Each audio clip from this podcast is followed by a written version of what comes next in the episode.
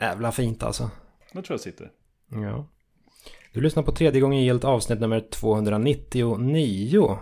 Och Per Landin är här.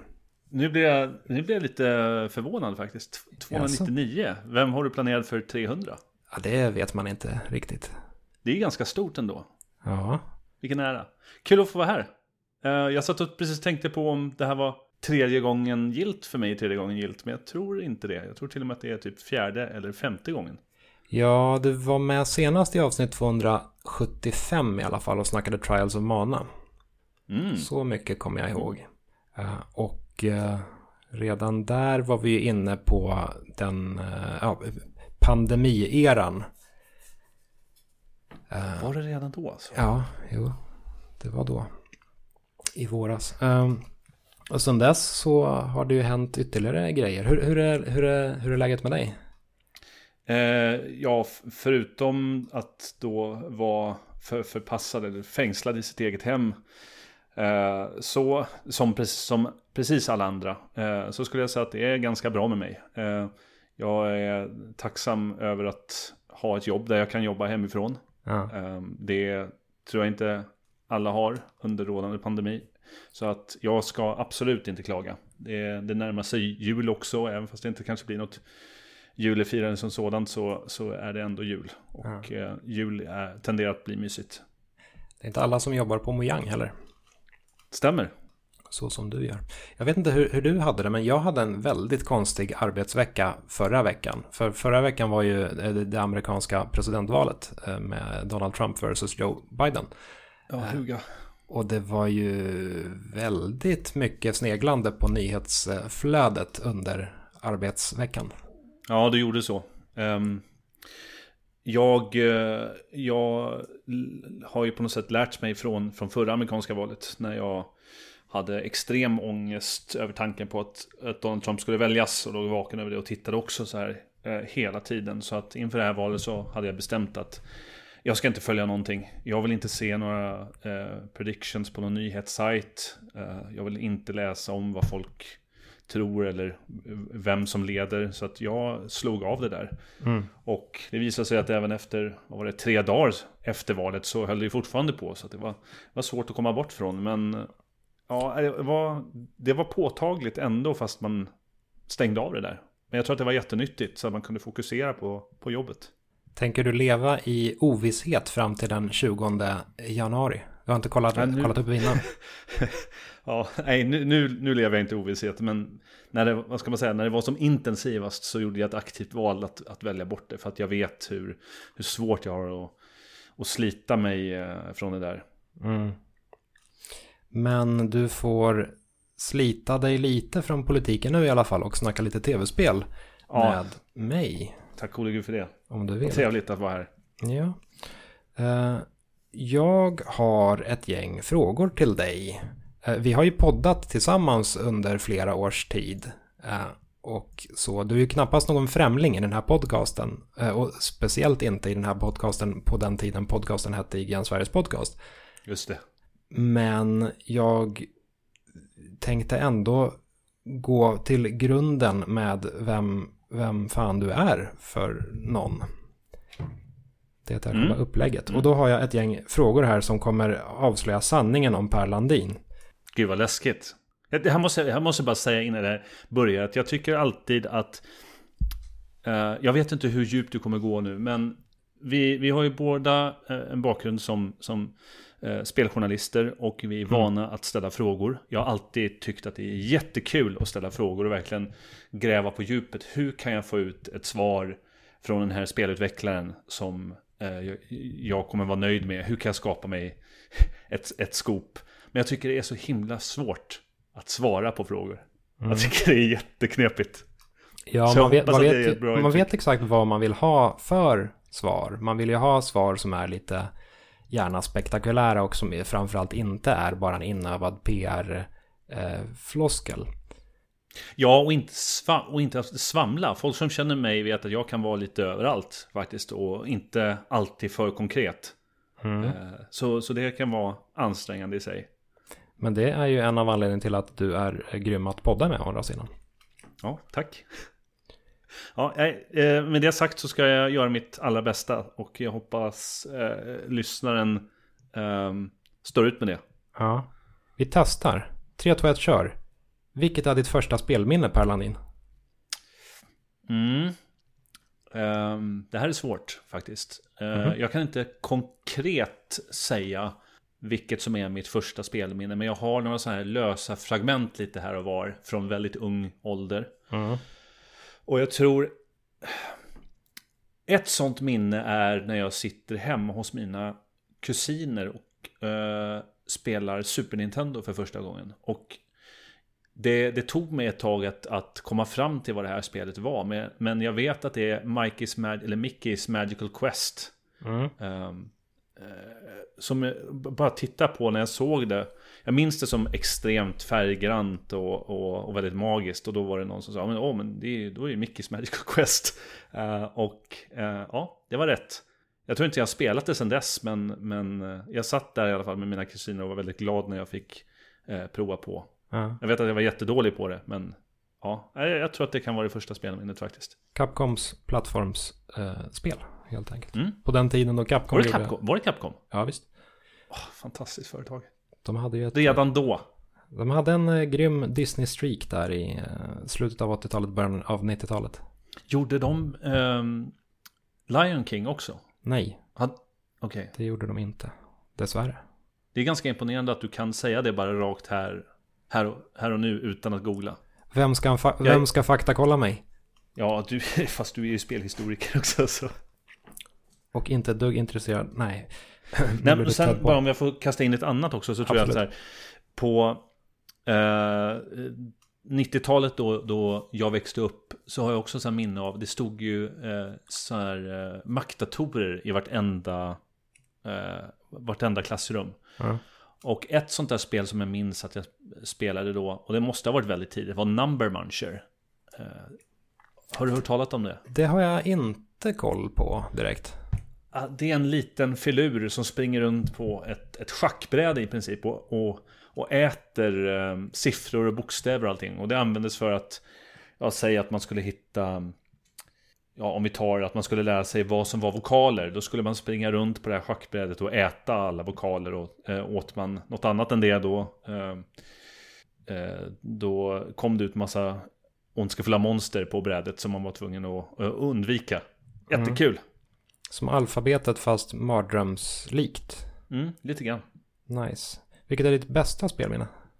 Oj, gud vilka svåra frågor. Um... Vi är bara inne på fråga nummer två. Ja, det är jättejobbigt. Eller om vi i alla fall, vi kan Nej, jag har, jag har ett vidga. bra. Okej, okay, du har en, kör. Ja, uh, att komma hem från semestern en sen sommardag uh, och spela Mega Man 4 till, till uh, en NES, till Nintendo 8-bitars.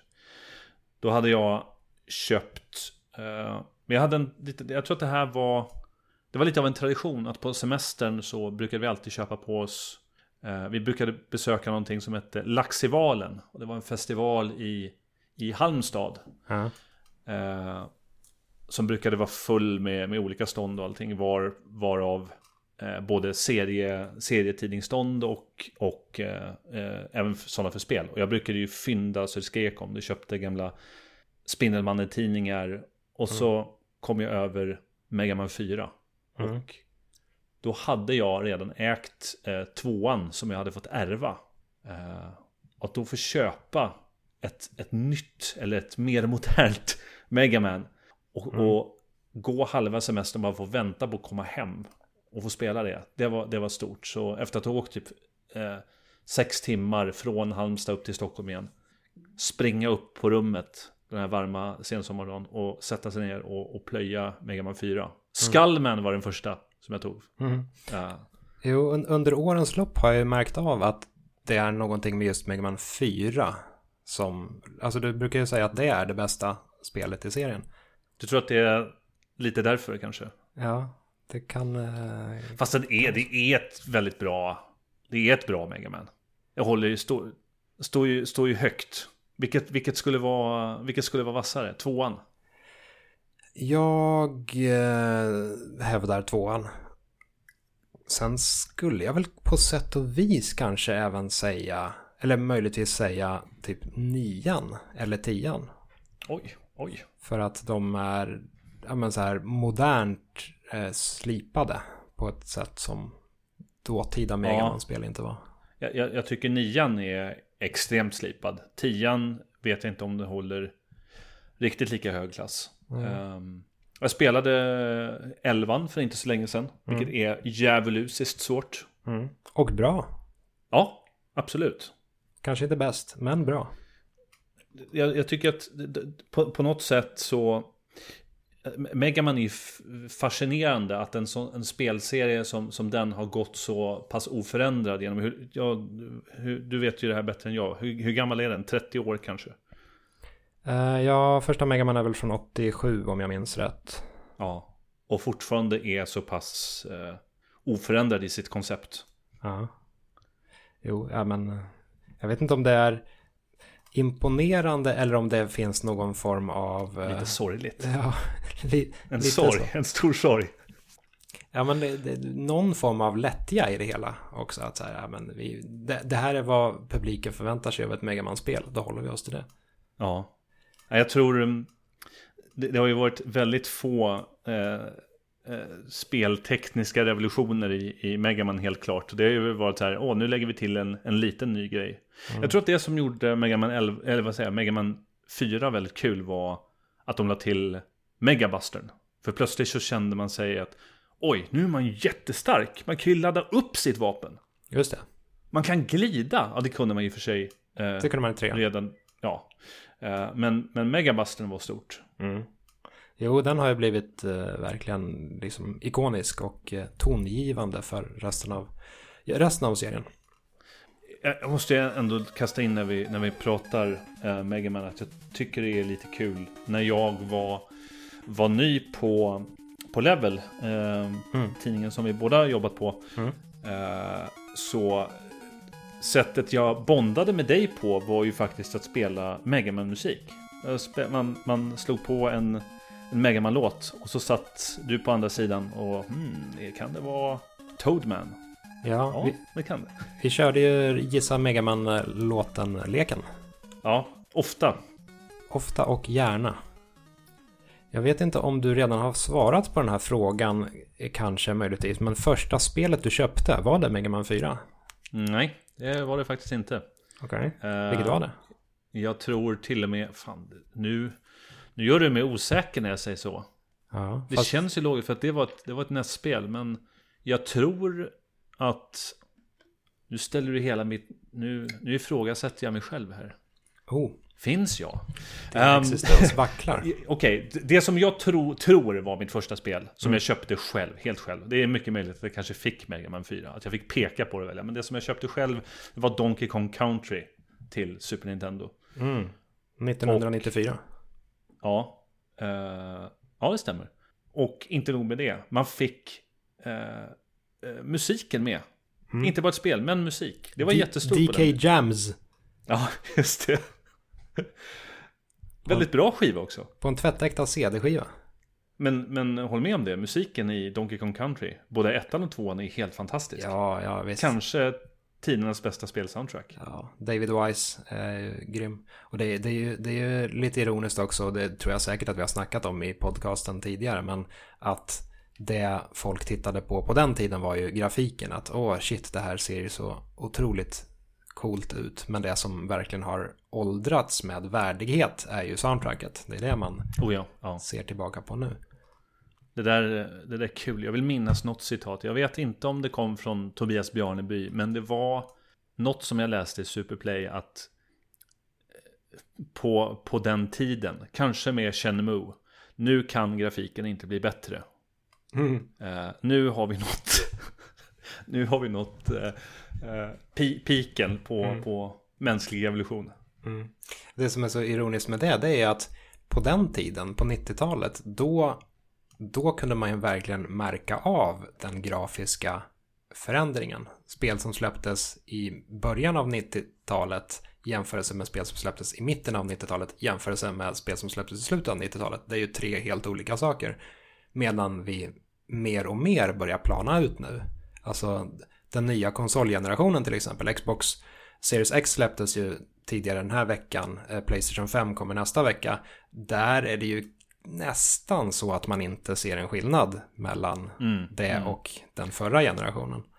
Ja, det är väl, det är väl rendering eh, som är, eh, det, eller det som, alltså jag tänker distans och sånt som verkligen sticker ut. Och sen, men, men detaljrikedom, eh, ja, jag vet inte vad jag tänkte säga med detaljrikedom. Det kommer bli ännu mer autogenererat i, i framtiden. Men ja, nej, jag håller med. Det är jättesvårt. Och jag, jag tror framförallt att man, man blir lite lurad av vad, vad man minns också. Mm. Uh, jag till exempel minns um, Tecken 5 som ett supervackert spel. Och mm. sen bara så, så sent som häromdagen så råkade jag se en person som, som streamade på Twitch. Och och blev jätteförvånad och tänkte vänta nu, så här fult var väl inte Tecken 5? Jo, men jo. Ja, precis. Det är precis så fult. Ja. Uh, har, har, du märkt av någon så nästa generations pepp? Har du, är, du, är du sugen på att skaffa Xbox eller PS5? Alltså jag är ju verkligen helt fel person att, att fråga om, om konsoler. Uh, min första konsol på, vad var det, kanske tio år uh, var ju eh, Switch. Mm. Och det köpte jag ändå relativt eh, nyligen. Mm. Får man säga, kanske för, för ett år sedan. Så nej, det, det, det kan jag inte påstå. Jag tycker att jag eh, håller ju mig fortfarande till, till PC. Jag tycker PC är överlägset och jag gillar den formen av, av eh, spelupplevelse. Mm. Um, det, det, finns ju en fördel i för det för, med, med Games Pass. Um, så att nej, det, det kan jag inte påstå. Du, har ju jag, under, du har ju under många års tid hävdat att du är på vippen att köpa en PS4. Mm. Uh, men så blir det ju inte nu. För nu är det en ny konsol. Nu, nu finns det ingen anledning. Nej. Så att så, liksom det enda som jag känner eh, jag, jag, tycker fortfarande, och det här kommer jag säkert prata om, om senare också, när vi kanske pratar konsoler. Jag eh, växte ju upp med, med Playstation. Så mm. att, och det är fortfarande ganska hårt rotat i mig. Jag tycker att eh, eh, Playstation-kontrollen är överlägsen Xbox. Jag vet att många inte håller med mig, men, men så är det. Det är bara att gilla läget. eh, och jag är på något sätt en, en väldigt trogen konsument. Att jag tyckte, jag tyckte så mycket om Playstation under min uppväxt att jag fortfarande känner väldigt starkt för, för det varumärket. Mm. Det är svårt att slita sig, även liksom oavsett hur, hur bra eh, Xbox utbud kommer vara. Ja, men ändå så valde du Switch framför PS4. Ja men det var ju för att alla spelade. Det var ju, eh, vad heter det, Zeitgeisten, det här, eller att eh, FOMO, att, att, att, att alla skulle köpa eh, Super Smash Bros Ultimate. Ja. Alla på kontoret. Och då tänkte jag, ja, men jag kan ju inte vara sämre, jag måste ju också spela det här. Det var alltså Smash Bros som fick dig att köpa en Switch? Ja, det var det. Sen visade det sig att det var ett väldigt bra val för att eh, på Switch så släpper de väldigt många gamla fina RPG som jag vill spela igen. Mm. Uh, Secret of Mana-remaken är ju... ja, det är ju ingen uh, nostalgikick på, på så sätt, men uh, det gjorde det också väldigt värt. Mm. Ja, så jag skulle säga att jag kanske har 20 spel på Switch. Åtminstone. Ja. Så det var det värt. Ja, absolut. Det är en grym, grym konsol. Um, vilket spel har du lagt ner mest tid på? Och innan du svarar på detta så måste jag påminna dig om att du en gång i tiden uh, chefade över en World of Warcraft-tidning. Mm. Så din, din, du har en professionell gissning här, skulle du säga? Ja, det, det kan vara så. Det här är en fråga som du så fiffigt försåg mig med inför eh, den här inspelningen av podcasten. Och jag tyckte att här finns det ett utmärkt tillfälle att göra väldigt specifik research. Jag gillar detta. I, eh, gärna. I det här spelet som vi kallar World of Warcraft så kan man ju ta reda på exakt hur mycket speltid man har lagt ner på sina olika karaktärer.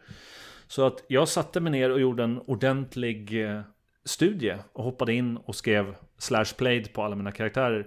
Och kom fram till att jag har 500 dagars speltid eh, i World of Warcraft. Vilket jag tror är 12 000 timmar. Utan då kissepaus?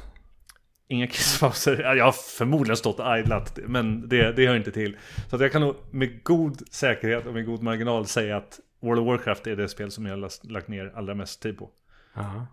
Hur mycket har du själv lagt ner på Warcraft? Du har ju, du har ju spelat du också. Du skrev ju en gång i tiden också för en väldigt, ett väldigt tidigt skede för World of Warcraft-tidningen som Level hade. Jag har ingen, ingen aning faktiskt, men jag, alltså det var ju inte, det var inga jättetider. Jag, jag, eh, jag kom ju inte ens upp i maxnivå. Jag, Nej, men, men, men en liten, liten resa gjorde du ändå. Ja, jo, men det är väl säkert. Skulle du säga att du har 50 timmar nedlagt? Ja, om man räknar med så här. Jag körde ju typ Burning Crusade betan ganska mycket just för i jobbsyfte. Och jag kanske vågar dra till med att det är ändå tresiffrigt. Att jag kom upp över 100 timmar. Men kanske inte, inte så mycket mer. Ja, men det är ju skapligt ändå. Nu kanske jag överdriver. Jag vet inte. Nu kommer David ja, Grundström äh, skriva en arg kommentar på det här avsnittet.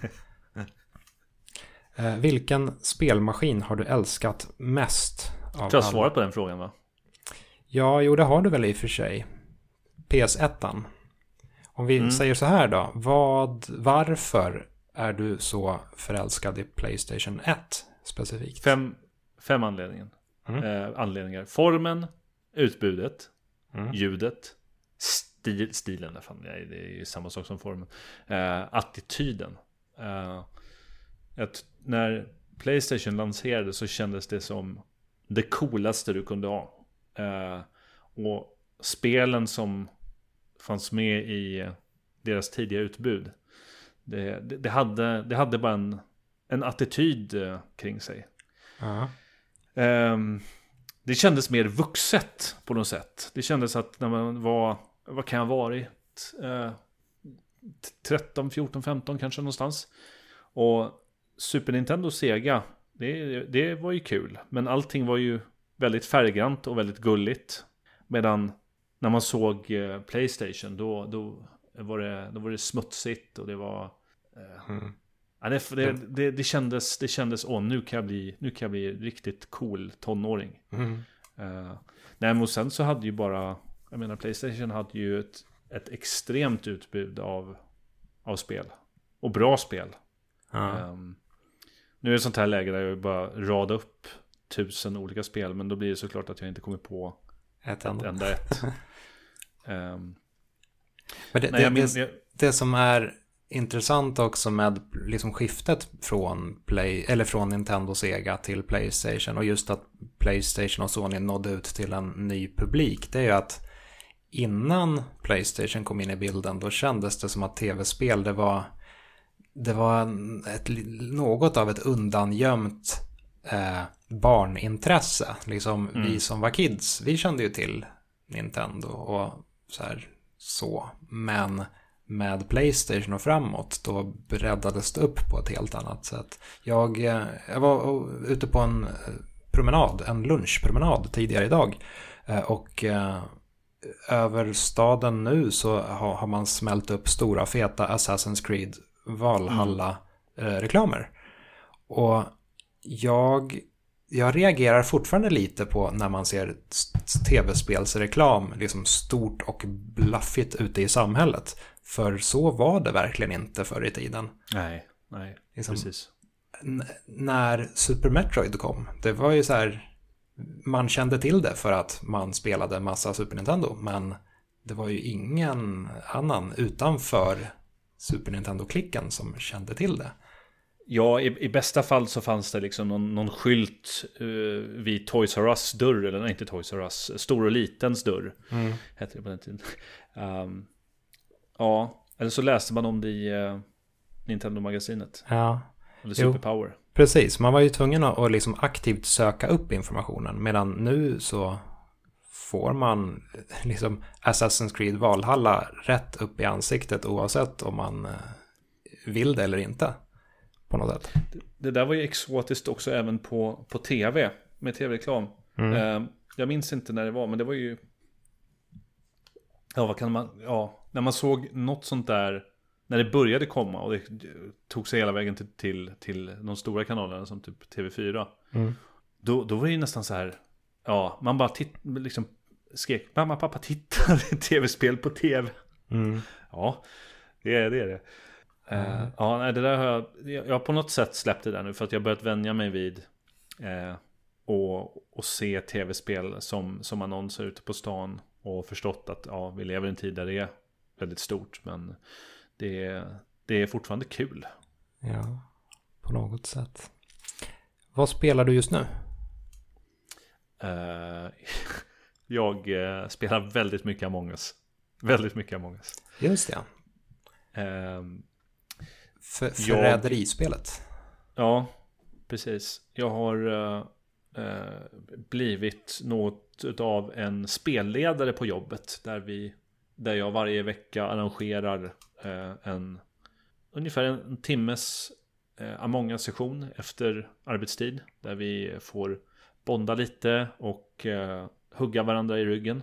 Ja, lite extra om du inte tycker om, tycker om någon speciell. Nej men det, det, det är jättekul. Uh, spelet är ju hiskeligt fult. Uh, och buggigt och bristfälligt på så många sätt. Men, men formatet och om, om liksom möjligheten. Ett spel som, som tar tillvara på uh, dialoger så himla bra. Är väldigt kul. Sen är inte Among us-formatet speciellt nytt. Det har ju funnits i, i Mafia och, och andra liknande det, det, har väl en term? Social... Vad heter det? Jag vet inte riktigt. Social eh, hate betrayal. So, so, social hate-spel. ja. Nej, men alltså, själva premissen är ju att det finns en förrädare mm. bland och, among us eh, och man vet inte vem. Precis. Och det, ja absolut. Det... Och sen ska man ju luska ut det. Någon går och dör, någon hittar kroppen. Dags att ha konversation mellan alla Eh, alla besättningsmedlemmar för att lista ut vem det är. Mm. Eh, och det är ju svek, förräderi och djävulskap. Och det, det, det är väldigt kul att ljuga. Jag kan inte komma, från, jag kan inte komma bort från det.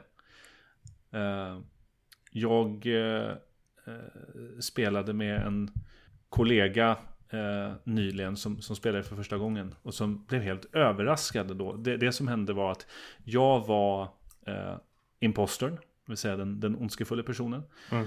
Och jag hade precis eh, huggit ihjäl eh, en besättningsmedlem och så kommer min kollega springandes och ser mig utföra det här dådet. Och då har jag bara ett val och det är att jag måste reporta kroppen själv. Och det är något imposters kan göra. Eh, så att jag rapporterar kroppen eh, eh, funnen. Och så säger jag, ja men det, det, det var Nisse. Jag såg Nisse döda personen. Och eh, Nisse, som egentligen heter något helt annat. Eh, det är Thomas Wiborg. ja, Thomas Wiborg är min kollega. Eh, blir alldeles förvånad. Bara, Va? Nej det, gjorde, nej, det gjorde jag verkligen inte. Hur kan du säga så? Hur kan du säga? Du såg ju att jag inte gjorde. Nej, Per.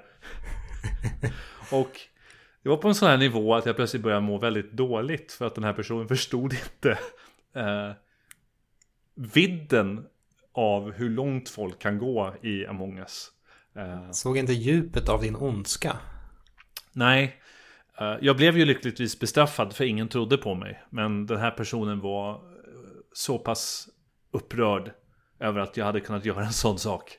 Eh, men eh, hen har lärt sig eh, nu spelreglerna och kommit över till den mörka sidan. Du har förstört Thomas Wiborg för all framtid. Ja, du, du tror att det är Thomas Wiborg alltså? Jag vet inte. Eh, har, har, du lyckats få med dig några X-level personer på spelsessionerna?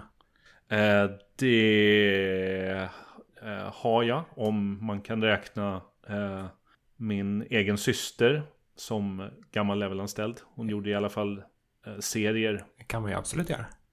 Ja, så hon har varit med. Uh, Thomas har jag tyvärr inte fått med än. Jag jobbar på det. Ja, får fiska lite i Thomas och Martin och Mackan. Har, har du själv uh, fått spela i någonting? Jag har inte gjort det. Av någon anledning. Jag tror att det beror på att jag i regel inte är jättemycket för multiplayer-spel. Utan föredrar single player-spel. Mm. Mm. Men uh, alltså, jag, jag har ju hört mycket gott om det. Ja, alltså det är igen. Det är fascinerande att ett spel som verkligen ser ut som ett gammalt Newgrounds flashspel har kunnat bli så stort. Men jag skulle säga med, med rätt folk och med alltså, goda vänners lag så är, är spelet väldigt, väldigt roligt. Mm. Det, är en, det är bedrövligt att spela mot randoms. Då skulle jag säga det är nog internets baksida att se hur folk beter sig. Mm. Jag har mest spelat de senaste dagarna eh, nyversionen av Tetris Effect till, oh. till Xbox eh, Series X. Så liksom ja. ny monsterkonsol och så sitter man och spelar gamla goda Tetris från 80-talet. Men Tetris har ju på något sätt någon slags renässans just nu. Uh, eller inte just nu, men har, har haft under gångna året. Både, både det och Tetris 99 och uh, det finns väl ett annat exempel som inte kommer ja, på. Puyo Puyo Tetris 2 Just är på det, gång, tack, på ingång tack. också. Kommer lite senare. Nej men det, på något sätt så känner jag ändå jag, jag, någon form av parallell här mellan att sitta och spela Tetris Effect, vad heter det, Connected, till Xbox Series X. Eh, och att tänka tillbaka på när man spelade Resogun på oh. Playstation 4. Oh. Alltså ett, oh, vä ett väldigt enkelt koncept men som har fått lite extra partiklar och eh, liksom lite next gen sexighet på något sätt. Ja, det är en kul liknelse. Jag har inte tänkt på det. Resogun var ju fantastiskt. Ja. Och också ett, så här, ett spel man spelade förmodligen lite mer än vad... Okej visst, Resogun var, var ju bra och så, men man, man, spelade nog lite mer än vad det egentligen förtjänade för att det inte fanns så mycket ja, gud, ja. annat. Absolut. Eh, Resogun var mestadels snyggt och inte särskilt eh, innovativt. Mm. Men jag tycker det är kul med, med Tetris hur det på, på att det nu i all sin enkelhet kan eh, catera till så mycket olika personer. Eh, eh, ditt Tetris är ju något av... Eh, det är lite, det är rogivande på något sätt. Eh, det är avslappnande Tetris. Mm. Eh, Tetris 99 det är sportens Tetris. Och Puyo Puyo Tetris det är partyspelens Tetris. Mm. Uh, ja, alla med samma, samma spel men i olika utförande. Ja. ja. det är kul. Vilken spelmelodi nynnade du på senast? Um, jag nynnade på, jag nynnade väldigt dåligt på Bergens Stryckung från Undertale. Uh, Ascore-låten. Mm. Alltså Undertale är jättesvårt att nynna på av någon anledning för en person som inte som är antingen tondöv eller har en, en väldigt dålig röst för som kan ta hela spektrat. Uh, nynna på Smash-introt också. Smash, uh, Smash Bros Ultimate. Det är en jättedålig mm. melodi. Da, da, da, da, da, da, da, ja, den är skitdålig. Den är bedrövlig. Uh, jag vet inte varför de, hur de kunde skriva den. Den är ju på sätt och vis lite catchy Deprimerande. Eller liksom den catchy. sätter sig på hjärnan. Åtminstone. Den öronmask. Ja, men det, det, ja men det är som en, så här, det, det, är som en, som en låt som, som en treåring sitter och plonkar på, på pianot själv. Nu är jag väldigt hård men... Jag gillar detta. Ja, ja det, är lite, det är lite så jag känner. Det finns en annan Smash-låt. Då är den här... Varför kunde de inte dragit upp den här andra som går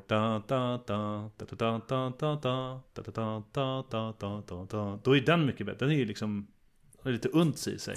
Det är karaktärs uh, uh, ja. Välja, välja gubbe. Nästa fråga, där misstänker jag, där har jag återigen en aning ändå om vad du kommer fråga, men jag ställer den ändå. Vilken spelutvecklare ser du upp till? Uh, jag vet vad du tror att jag skulle svara. Men uh, då svarar jag inte längre. Inte längre Blizzard? Nej, precis. Det stämmer bra. Uh, Blizzard uh, det, här, det här tycker jag är superintressant. Så Blizzard har för mig alltid varit mer, mer än bara ett spelföretag som släpper spel och uh, vars enda mål är att är att uh, ja, kränga spel och göra sina aktieägare glada. Liksom, för mig så har Blizzard uh, varit Ah, det låter så fånigt. Men, men det har funnits en familjeaspekt av det. Finns mm. det har varit en gemenskap. Mm. Blizzard Gamers, är, de, de förstår varandra och eh, Blizzard-utvecklare har alltid varit, det har alltid varit lätt att kunna eh, identifiera eh, vem som är Blizzard-utvecklare och, och, vad de gör. Och de har liksom varit lite som en, som en eh, såpa man har följt under väldigt, väldigt lång tid. För man, man kan alla namn och man vet vilka utvecklare som jobbar på vilka projekt. Och, mm. Ja, du, du, har ju, du har ju varit väldigt insyltad i det också i med att du gjorde World of Warcraft-tidningen under flera år. Mm. Uh, absolut. Uh, och jag tycker Blizzard har varit ett, ett, ett, företag som har velat göra mycket rätt. Som har värnat väldigt mycket om Ja men som, som, som, som du brukar säga, var, var, var, var snäll mot varandra. var snäll, var inte dum. Ja, exakt. Och tänker mycket på eh, hur de vill kommunicera och, och vad för typ av klimat de vill skapa hos sina gamers. Eh, det har varit beundransvärt. Sen för all, alla som har liksom följt med turerna de senaste åren och, och hur, hur vad ska jag säga, Activision sakta men säkert har, har förändrat eh, företaget i grunden så har det där kommit att ändras, inte bara för mig, men jag tror även för, för många andra. Eh, och det vi ser nu konsekvensen av det, det är att eh, Mike Morheim, grundaren av Blizzard, har gått ut och skapat en ny spelstudio som, som heter Dreamhaven. Uh, med målet att vara en haven för spelutvecklare. Med samma värderingar som man hade på Blizzard men där de ska liksom värnas i mycket större grad. Mm. Så att på något sätt, det har fått mig att omvärdera den här bilden att ja, ja, det kanske inte bara var mer än ett företag. Det kanske är mer Mike Morheims vision som är det som eh, betyder någonting för mig. Mm. Så att... Och eh, det, det, är mycket som händer i Blizzards spel just nu som inte jag riktigt eh, Som inte riktigt tilltalar mig så som det gjorde en gång i tiden eh, Av olika anledningar. Så Men, Det besvarar förvisso inte din fråga. Nej precis. När Blizzard nu har fallit vilket, Vilken spelutvecklare och det kan vara både, både företag och person för, för den delen. Vil, vilket har tagit tronen i Blizzards frånvaro. Ett väldigt, väldigt, väldigt, väldigt lite företag. Uh, jag skulle säga att det är... Uh, först, jag kan ju bara snabbt kasta ut att Capcom tycker jag alltid om. Uh, mm. Av historiska anledningar men också fortfarande för att jag tycker att de, de gör bra spel. De gjorde Mega Man 4 för i helvete. Ja, exakt. Och uh, Mickey's Magical Quest har jag fått lära mig. Ja, just det. Det finns ett, eh, ett samband här. Mm. Um, det går att dra en rak linje mellan Mega Man 4 och Magical Quest. Säkert något i framtiden också. Uh, Resident Evil, bra spel. Är ja. det, visst är det Capcom? Jo, visst. Ja, exakt. Um, nej, men uh, Red Hook Studios mm -hmm. vill, jag, vill jag hylla lite sådär extra. Och varför? Uh, för att det är en framgångssaga Eh, för vad de lyckades göra med, med Darkest Dungeon. Hur Chris Borazza och, och Tyler Sigmund, två branschveteraner, bestämde sig för att eh, ja, du, vi, vi känner inte varandra så, så superbra, men vi gillar varandra så att eh, vi tar och skapar en spelstudio.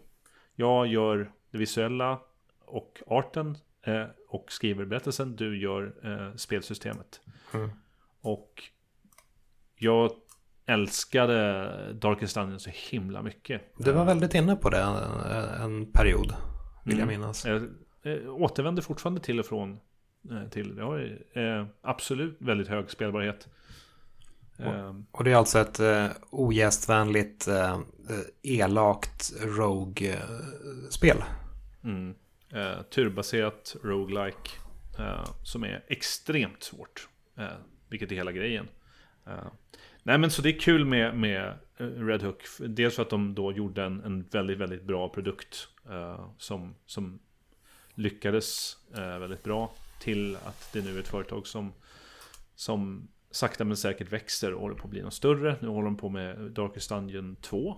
Uh, som då ska ta det från något 2D-format in till lite 3D. Mm. Mm. Och så håller de på med något eh, brädspel också. Ja, det är där de stora pengarna ligger. Ja, exakt. Nej men så att, jag tycker bara att det är kul. Det är, det, det är kul med ett företag då som, som, som startade något eh, från grunden och nu liksom har lyckats och, och växer sig större. Eh, som, som har haft många turer. Eh, jag vet inte hur många som har sett, eh, vad heter Game Develop GDC, Men jag vet att de har ett, ett talk där, där de pratar om liksom, eh, svårigheterna att, att samarbeta och eh, hur de liksom aktivt jobbat på att hitta lösningar. Så att, ja, men det, det, det, jag ska inte raljera om det, men det, det är ett företag som jag ser upp till. Mm, mm. Vilket spel önskar du att du hade gjort själv? Och det får vara Darkest Dungeon om du vill. Ja. Så när du säger göra det själv. Ska det vara hela allting eller kan jag välja en specifik grej som att ja, jag skrev musiken till ja, Darkest Dungeon? Eller ja, det kan det väl få vara. Ja, för då skulle jag säga först och främst, jag som, som eh, skribent så har jag alltid haft aspirationer på eh, narrativspel. Jag mm. vill göra narrativspel någon gång eh, under min livstid. Och mm. ett spel som inspirerade mig väldigt mycket var Vagrant Story mm. till Playstation. Det här eh, Squaresoft producerade RPG som eh, har väldigt, lånar väldigt mycket från Shakespeare faktiskt. Uh, jag önskar att jag hade varit med och eh, skrivit dialogen. Mm. Att jag hade fått vara med och eh, utforma karaktärerna i det. Det tror jag hade varit väldigt kul. Ja. När du säger att du gärna skulle vilja under din livstid göra något narrativt med ett spel. Har du liksom redan nu någon form av tanke som skvalpar runt i huvudet eller? Har, har, du några konkreta ja. idéer eller är det mer en Nej, vag det skulle jag inte säga. Det, det, det, finns, det finns vaga koncept, skulle jag säga. Eh, jag tror inte att jag... Eh, jag är ingen Toby Fox som kommer sätta mig och säga jag har ett spelkoncept som jag tror hårt på. Utan det är så här, vad vill jag berätta? Eh, och, och, det är svårt. Jag tror att jag vill, jag vill skriva eh, karaktärer. Jag vill skriva jag vill skriva dialog, jag vill skriva eh, mm. bakgrunder till, till coola föremål och så vidare. Så att nej, det, jag, jag har inte något superkonkret. Eh, däremot så är jag faktiskt med och hjälper till eh, med ett spel just nu. Eh, mm. Där jag eh, renskriver väldigt mycket dialog och eh, polerar den. Uh, vilket är första gången som jag hjälper till med en spelproduktion. Ja, vad, Vilket, vad för spel? Ja, du står helt stilla bara för det. Jag glömde bort titeln. Jag måste snabbt hoppa in på Steam så att jag kommer på. Det här är jättepinsamt. Och uh, det kommer snart till mig.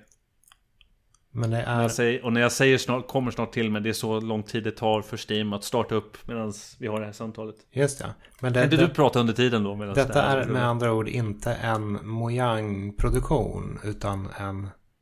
Nej, precis. Ett, det här är någonting som jag gör på, på min fritid. Ja. Ja, men det, det, det är kul i och för sig. Och det, alltså... Just narrativ i, i spel. Har, känner du att... De, de, Visst, du, du hade inga, inga jättetydliga liksom, idéer på vad du vill göra. Men, men känner du på något sätt att du även skulle kunna få utlopp för detta i form av en bok eller en tv-serie eller en film? Eller är det ehm. specifikt spelkaraktärer och speldialog? Ja, jag tror att, jag tror att det är specifikt spel. Uh, jag tror att det är eh, Möjligtvis film. Eh, för att jag gillar, eh, jag gillar skriptformatet. Jag tycker det eh, är väldigt givande att skriva skripts. Ehm, jag eh, var ju med och skrev eh, skriptet för en eh, Minecraft-trailer en gång. Som heter A Wondrous Journey. Som handlar om en av eh, Minecraft-mobsen eh, Wandering Trader som gör en, en resa. Och det här var en slags eh, eh, vad ska man säga, en teaser inför en trailer. Och det var fruktansvärt kul att göra. Eh, den är i och för sig helt och hållet utan dialog och handlar mer om hur, hur karaktären reagerar. Men arbetet, och det är alltså där jag gjorde mer än bara skrev, jag var med och producerade också. Eh, och gav, gav, vad ska man säga, ja, väldigt tydliga direktiv för olika saker. Eh, det, var, det var jättekul, så jag kan mycket väl tänka mig film. Men det finns något speciellt också med att, att skriva dialog. Jag, jag, jag har till exempel en, en liten bok som jag eh, jobbar med. Och det är som ett litet hobbyprojekt. Där jag säger att ja men eh, nu ska du skriva en nu skriv en Quest-hub för en fiktiv World of Warcraft-by. Där du eh, hittar på lite quests. Eller skriv eh, Barks för en helt ny karaktär i Heroes of the Storm. Eh, Barks är ju, för de som inte vet, eh, dialog. Eh, typ voice lines. En hel lista med vad en karaktär kan säga. Men, men vänta, skriver du detta i en bok? Ja, jag har ett litet, eh, ett litet, eh, ett litet eh, noteblock. Ja, ja, ja, okej. Okay. Jag, jag fattade som att du hade börjat skriva typ en roman eller någonting. Ja, ja, nej, det är inte som en Victor Sjöström-bok. En Quest Hub. Nej, utan det här är mer som kludd. Det här är bara liksom ren, right. ren skär övning ska jag säga. Då är jag Så att, nej, bok eh, tror jag att jag, jag är nog klar med det. Jag skrev jättemycket nördiga noveller i skolan när jag gick i gymnasiet. Och det känns på något sätt att jag är klar med det. Det är fånigt med böcker. Nej, det är inte fånigt. Eh, sa jag det?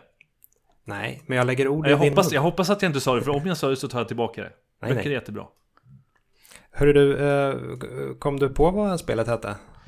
Eh, Everhood. Everhood. Spelet. Och eh, det har väl... det är väl ett...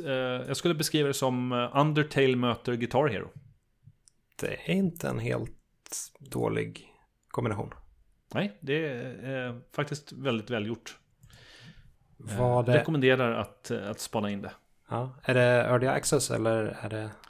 Ja, ja, exakt. Early Access. Jobbas, jobbas, jobbas flitigt på. Ja. Uh, jag försöker tänka på om jag besvarar din fråga för att jag är så rädd att vi drar iväg på sidospår här. Nej men det gjorde uh, du. Vagrant ja. Story. Vagrant Story i alla fall definitivt. Landade vi. Ja, kanske någon karaktär i Mass Effect hade också varit kul. Ja. Lite, lite närbesläkta till den frågan är följdfrågan då, eller nästa fråga på listan ska jag snarare säga. Eh, om du fick göra en ny del i en existerande spelserie, vilken skulle du välja och framförallt vad skulle du göra med den? Det här är jättesvårt. Men samtidigt jättekul uh, Per Landin. Uh, oh ja, definitivt. Uh, det eh, känns så taskigt på något sätt. Men eh, jag har ju känt en väldigt stor besvikelse för hur, eh, hur Mass Effect 3 slutade.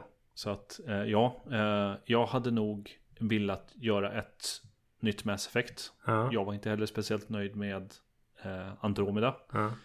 Så jag hade eh, satt mig ner tillsammans med Casey Hudson och sagt att Casey, jag tror att det är, vi får eh, vi får nog bortse från, eh, från slutet i trean. Och så, så skriver vi, vi retconar det här. Och så skriver vi eh, eh, en liten ny inledning. Så att vi kan skapa ett, en uppföljning på det universum som så många älskar. Och eh följer upp någonting med de karaktärer som, som alla hade en personlig relation för. Right. Jag säger inte att vi ska göra exakt samma story och berätta samma sak som Mass Effect-trilogin, men jag tror ändå att vad, vad jag skulle vilja göra är att ha någon slags eh, kronologisk fortsättning och inte göra ett sidohopp till en helt annan galax. Mm. Du skulle göra lite, du skulle på sätt och vis dra en Terminator. Det vill säga göra en ny film som plötsligt ignorerar typ de senaste delarna, eller den senaste delen i det här fallet. Eller? Jag skulle ta ett rejält samtal med, eh, eh med eh, Biowares Narrative Writers och, och, och fråga, okej, okay, vi hade tre potentiella slut som minnar ut i ABC. Finns det någonting vi kan göra med de här för att på något sätt eh, göra det ogjort eller väva ihop det eller göra så att det, det är upp för, för tolkning. Mm. Och om vi gjorde så skulle vi kunna eh, spinna vidare på, på det universum som vi redan har skapat och de miljöer som vi har implementerade. Uh, det, det, det, tror jag uh, jag hade tyckt varit mm. väldigt kul. Nu var Sen det... hade man kunnat göra något enkelt också. Nej, förlåt. Äh, äh, nu var det ju bara några dagar sedan som Bioware gick ut och ja, det helt enkelt 7, 7 november eh, gick ju Bioware ut och eh, utannonserade en, dels en Mass Effect-trilogi-samling som kommer nästa år, men sen även eh, att de jobbar på ett nytt Mass Effect-spel. Mm. Så det här är ju ett utmärkt tillfälle att faktiskt eh, slänga iväg ett litet meddelande till Bioware och säga Hörni. ja, men jag har ju så bra där jag är, det kan ju inte jag säga. Jag kan inte bara säga att nu, nu, nu tar jag mitt pick och pack och går. Eh, då får jag acceptera det, att de gör det.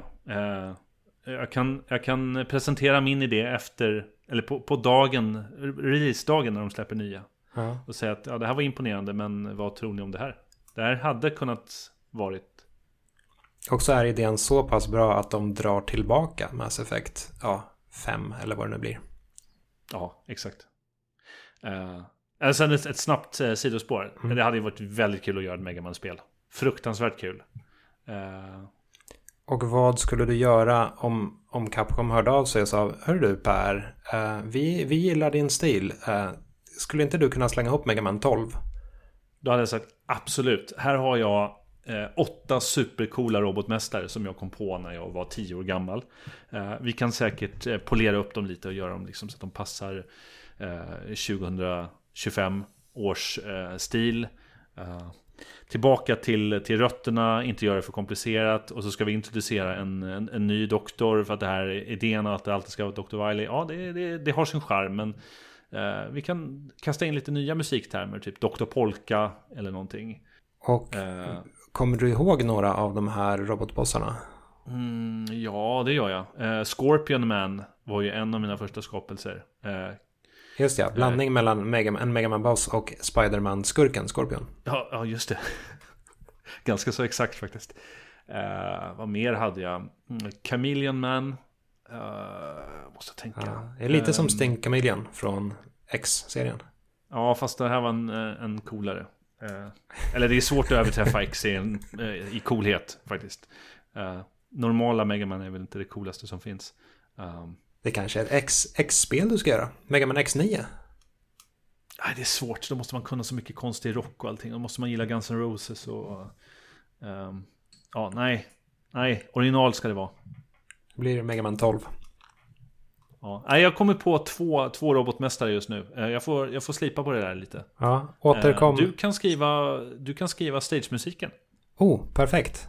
Det, det är... Mycket bas ska det vara. Ja, det blir en, en basgång som åker hit och dit och som är snudd på omöjlig att faktiskt spela på en riktig bas. Underbart. Vad spelar du tillsammans med dina vänner? Vad sägs om den segwayen? Among us. um, Just det. Uh, ja, de är inte mina vänner längre för att de, de gillar inte att bli stabbade i ryggen. Jag spelar uh, väldigt mycket uh, Heroes of the Storm som några av lyssnarna förmodligen redan vet. Mm. Eh, vi har också en... Still going strong alltså? Ja, oh ja. Eh, absolut. Fortfarande ett jättebra spel. Eh, det är framförallt ett jättebra sätt att lära känna nya kollegor. För titt som tätt så börjar det någon ny på Mojang som säger oh, jag, jag gillar Heroes. Är det någon här som spelar Heroes? Och då är det två personer på jobbet som säger Jag gillar Heroes. Och då bondar man med personer man förmodligen aldrig hade pratat med i alla fall. Jag ska söka anställning på Mojang så ska jag säga Jag gillar Heroes, är det någon som vill spela med mig? Och så ska jag syfta på Heroes of Magic, Magic 2. så kommer jag inte få några Det är vänner. ett väldigt bra spel dock, jag är på. Ja men det är bra. Heroes Magic Magic, ja jättebra. Vilket um, spel är ditt Guilty Pleasure då? Det är nog ett mobilspel. Eh, som jag har spelat i tre års tid nu tror jag. Uh, förmodligen var, varenda dag. Uh, Fire Emblem Heroes. Ja. Känner du till det här? Alltså Fire Emblem känner jag ju till. Eh, men min mobil är ju från 2008 så jag kan inte spela mobilspel direkt. Ah, just det, just det. Ehm, Men, men, förklarat- alltså, men det, Fire Emblem i sig är ju en grym serie. Vad, Mm. är, det, vad är det med Heroes som får, får det att bli guilty? Ja, det är väl att det är ett... Det är, är det, att det är lite, lite grann pay, pay to win-format.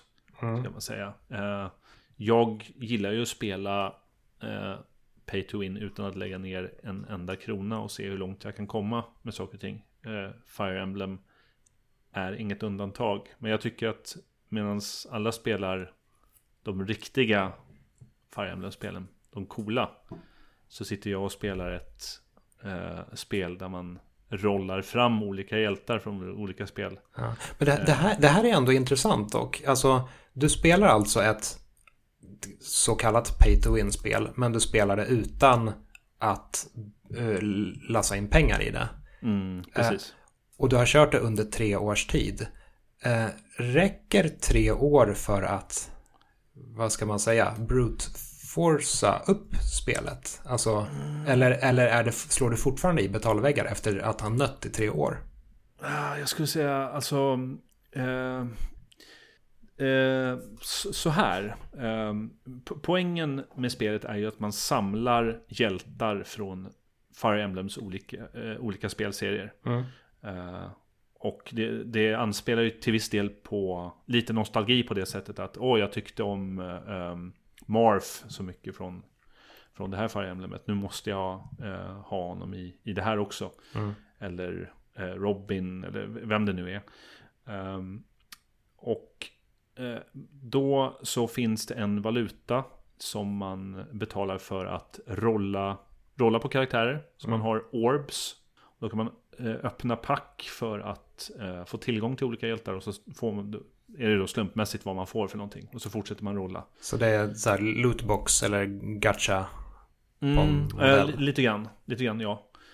Eh, nu, nu kommer jag helt av mig här. Men du har alltså Eh, gjort det, detta under tre års tid? Ja, ja. Räcker tre år för att få de flesta hjältar på, vad ska man säga, ja, rimligt du, sätt? Du kan få, Gratis du, kan sätt. få de flesta hjältar. Eh, inte alla. Eh, jag har märkt att det är svårt att, att komma igen. Eh, det, det, det funkar inte riktigt. Men det, det svåra är väl, alltså jag klarar PVE-biten. Men så fort man ska spela PVP Då är det så att till exempel att man kan, man kan göra sina karaktärer starkare genom att säga att om jag har eh, Jag kan ju rolla fram flera morph Mm. eh, Då kan jag kombinera dem för att skapa en starkare morph Okej. Och det här kan man göra upp till tio gånger Och det, det är det här som det börjar bli svårt För att det finns vissa hjältar som är svårare att, eh, att få Och kanske inte dyker upp lika ofta eh, Så att Just, och det, det där märker man av väldigt mycket i, i PVP-biten att, man- att det är karaktärer som alla är uppade till, till 10 och därför har väldigt, väldigt höga stats. Mm. Eh, så min, min PVP-rank är inte särskilt bra, men jag klarar mig ganska bra i PVE-biten. Men då är det alltså fortfarande efter tre år så att du ehm, skulle få fördelar av att lägga in pengar. Absolut. Absolut. Men jag tycker fortfarande att det är på, på en sådan nivå att det fortfarande är, är jättekul och att det finns ett, ett spelsystem som är, som är kul att, att tweaka med. Eh, man, en aspekt är ju till exempel att eh, man kan eh, ska man säga, man kan avlösa karaktärer. Om det finns en karaktär som, som jag inte tycker om så kan jag eh, dumpa bort den. Men jag kan använda den karaktärens skillset och sätta in på en karaktär som jag eh, tycker bättre om. Och det här skapar massor med intressanta kombinationer. Eh, och jag tror att det finns totalt sex olika skillslottar för vad man kan kasta in och göra på en karaktär. Och eh, det skapar bara väldigt mycket olika förutsättningar och det finns väldigt mycket olika sätt man kan bygga en karaktär på. Så att variationen håller det här spelet vid liv på något sätt. Och det faktum att de hela tiden kastar in nya spelsystem eh, gör att det känns så himla fräscht hela tiden. Mm. Men jag kommer aldrig få alla karaktärer och jag kommer definitivt inte ha de starkaste. Nej. Och du känner dig lite, lite guilty. Lite smutsig, absolut. Tredje gången Men gilt. det är, ja, men det är, inte, det är inte ett tufft Fire Emblem. Det är inte liksom eh, Free Houses eller någonting. Här sitter jag och spelar ett gratisspel. eh, som jag en dag kanske kommer lägga pengar på. Så att, ja, det jag skulle kalla Guilty Pleasure. Ja. Vilket spel har fått dig att slänga handkontrollen i väggen? Eh, först och främst, jag har ett jäkla temperament. Måste det vara en handkontroll? Kan det vara hörlurar eller kan jag ha sönder ett bord eller något sånt du där? får ha sönder precis vad du vill så länge det är hård Handkontrollen? Okej. ehm, Eller ett bord. Har du slagit sönder ett bord så blir jag lite lycklig på något sätt. ja, det har jag. Jag har ett sånt här utfällbart bord. Du vet, när man, där man kan ställa tangentbordet på. Ja. Eh, det slog jag sönder en gång i tiden. Vilket spel var det som fick dig att... Eh, World of Warcraft. När jag hade fått en jättevärdefull eh, gear-del. Men så, så sa någon eh, No lol, this is mine, bye. Eh, och jag var jätteupprörd. För att jag hade rollat högst. Loot-delen var min. Och någon bestämde sig för att trolla och sticka iväg. Eh, Då slog jag handen i bordet och bordet gick sönder. Lite den här japanska välta bordet-simulatorn som finns i arkadhallen. Absolut. Eh, nej men jag skulle säga eh, Det spel som gör mig mest irriterad Som jag, jag faktiskt tror har kastat en handkontroll en gång Inte särskilt hårt dock eh, Lite du, du vet så här, sikta på en kudde eller någonting Så att man vet att eh, ja, jag, Det är tillräckligt med frustration men den kommer inte gå sönder Mm. Är tecken Ett. Uh, Tecken, nej tecken 5 förmodligen Det fula spelet. Ja, exakt. Vilket minne. Eh, nej, men som sagt, jag är bara väldigt kompetitiv. Jag eh, är extremt tävlingsinriktad och eh, har som sagt ett jäkla temperament. Mm. Eh, Spelar mycket multiplayer-spel med folk som precis har Heroes of the Storm. Där jag kan, inte skrika, men vara väldigt upprörd på både mig själv och mina lagkamrater. Men på tecken, eller i tecken så finns det ingen att skylla på. Där är bara, bara jag själv när jag spelar på folk. Mm. Så att eh, då måste jag få utlopp på något annat sätt och då har jag kastat en kontroll en gång. Mm. Och det var helt enkelt en PVP-match. Ja, precis. Förmodligen mot en kompis faktiskt. Ska jag säga. Som var i rummet. Och fick ducka. Som tyckte att jag var väldigt, eh, väldigt omogen. Jag kan hålla med om det. Det var mycket omoget gjort. Ja. Får be om ursäkt. Är du, men du är ganska lugn av dig ändå. Du, Ja. du känns som... Du skulle inte kasta en kontroll. Vad jag minns har jag inte kastat en kontroll. Nej, jag har inte slagit sönder ett bord. Och inte kastat Ogoshi. Kastat Ogoshi har jag gjort väldigt många gånger. Men då eh, kastet, och höftkastet Ogoshi. Eh, min katt Ogoshi har jag inte... I och för sig, man, man har ju så här kastat Ogoshi i soffan och så. Fast på ett snällt sätt, inte med ilska. Vad, vad hade man kallat sånt i uh, jujutsu-termer? En Victor Barai till exempel. En vad? En Victor Barai, är inte det så här Barai någon, Ja, något, Ashi Barai jutsu Bland annat. Eh, ja, jag vet inte. Nej, jag vet Det var jobbigt här, märker jag att det blev eh, kast med en liten katt. Ja, precis. Det, det blir ett extra lager om man kastar en katt som dessutom heter Ogoshi. Det blir ju så här... Ja, just det, för ja, jag förstår. För Goshi, det är en jutsu-term. Ja, judo. Judo. Eller både, både och. Men det är det, det, vad ska man säga, det grundläggande enkla höftkastet. Det här Ah, klassiska höftkastet. Jag tror att det heter höftsving i vissa stilar. Ja, vad roligt. Och det har inte med handkontroller att göra. Jag, Stämmer. jag smiter ut bakvägen här och, och ställer min emergency-fråga här. Vilket, vilket Mm. spel har fått dig att gråta? Eh, ehm, jag skulle då, då skulle jag säga uh, Grandia. Eh, Ettan? gamla, vad sa du? Ettan? Ja, ettan. Eh, det gamla Sega Saturn-spelet som sedan kom till Playstation. Mm. RPG. Mm. Eh, jag skulle säga att det är, har jätte, jättemycket med musiken att göra. För att musiken kan vara så himla vemodig och, och sorgsen eh, vid stunder. Mm. Så att jag tror att det är mer musiken som jag reagerar på. Och nu idag ehm, så finns det också ett lager av nostalgi i det. Så jag tror av någon anledning så blir jag alltid väldigt, väldigt tårögd när jag återspelar eh, Grandia. Mm.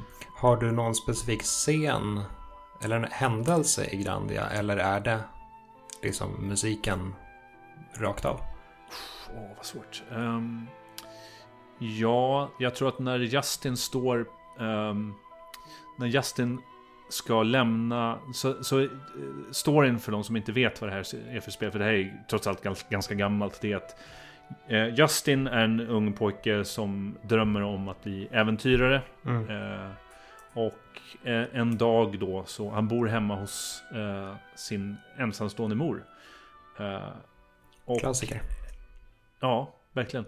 Eh, så en dag så bestämmer han sig, det, han, får, han får en chans att ta båten till en annan kontinent. Uh, för att bli äventyrare. Och mm. det är någonting när han står på hamnen där och det spelas uh, väldigt vemodig musik. Som, det, det, är något, det är något som, uh, som connectar med mig. Väldigt sorgset. Mm. Och sen um, också så är det en scen, han, han har ju en följeslagare, uh, Sue, som är ännu yngre. Hon kan ju vara kanske max 10 år eller någonting. Och ganska sent i spelet så, så blir hon utbränd. Det är ganska ballt tema ändå. Och mm. Justin begriper inte det där. Och vid något tillfälle liksom, när de säger Men fattar du inte, hon, hon är utbränd. Vi måste, skicka, vi måste skicka hem henne igen. Och att hon inte, hon vill vara kvar. Men kan inte. För att liksom, hon kan inte hålla hans tempo. Det, det är jättesorgligt. Det är jättejobbigt. Och eh, märkligt relevant i dessa tider på något sätt. Ja, det är det. Eh, Tragiskt nog. Alla borde spela. Alltså Grandia finns på Switch. Plock, plocka upp det. Det finns på PC också. Det, är, det borde vara utbildningsmaterial i skolorna. Du bör, inte ens för speldesign. Folk borde bara spela det. Ett jättevackert spel. Ja. Kan man läsa typ Flugornas Herre i skolan, då kan man spela Grandia. Ja, verkligen. Mm. Men du har spelat, du, du har spelat Grandia? Ja, jag har inte spelat igenom hela ettan dock. Jag, jag körde tvåan innan jag körde ettan. Tvåan körde jag igenom liksom från början till slut. Ettan körde jag väl kanske halva. Något sånt. Men, men, men du har också, du, du har ändå en, en bakgrund av att spela Alltså, du, du har varit med i svängen och spelat massa av, av RPG eh, genom tiderna. Ja. Klassiska och, och, och, min, ska jag säga, min syn på RPG, har ju, japanska RPGs, har ju verkligen förändrats med åren. Liksom när jag, när jag började spela på, eller inte när jag började spela, men när jag, när jag började skriva i alla fall om spel eh, så var japanska rollspel bland det absolut bästa jag visste. Nu mm. eh, är det snarare så att jag håller på att kanske lite halvt återupptäcka charmen med dem. Men det var ju under många år som det kändes som en helt död genre. I alla fall ja, för mig. För, för, det, här, det är det här som jag vill fråga dig lite om. Och det är, för personligen så tycker jag att det är så himla... Jag vill kunna uppskatta eh, japanska RPG idag. Mm. Och speciellt de som jag en gång spelade. Men finner att det är så himla svårt och att det på något sätt blivit enkelspårigt. Eh, för att den, det, det, det händer inget, det finns inget innoverande eh, i det. Men, men du, du känner inte så?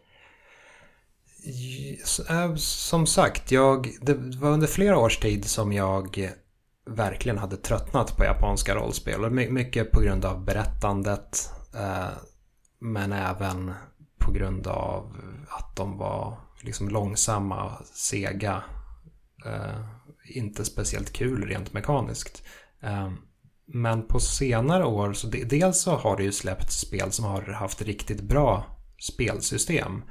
Eh, Project Octopath Traveler till exempel tycker jag gör mm. intressanta saker med striderna. Um, vad heter den? Nino Kuni 2 gör också många coola saker. Och jag har även blivit lite mer, jag vet inte, kanske inte nostalgisk, men jag, jag ser något, någon form av mysighetsvärde nu i det lite överdrivna japanska som, som ibland kan bli lite så här snudd på pinsamt men är man, är man beredd på det så kan det vara ganska kul för att det mm. dessutom är ganska annorlunda. Så nu för tiden så kan jag nog ändå uppskatta ett bra japanskt rollspel. Final Fantasy 7 remaken till exempel tyckte jag var riktigt, alltså det, det tänker jag tillbaka på än idag och, eh, Ja, och blir ja. lite sugen på att hoppa in igen. Ja, vad roligt. Ja, jag har fortfarande inte eh, spelat. Jag sitter fortfarande och hoppas på, att, på en eh, PC-release. Om det inte kommer något så blir det ju då PS5. Eh, famous last words. Du får tajma in det med del 2.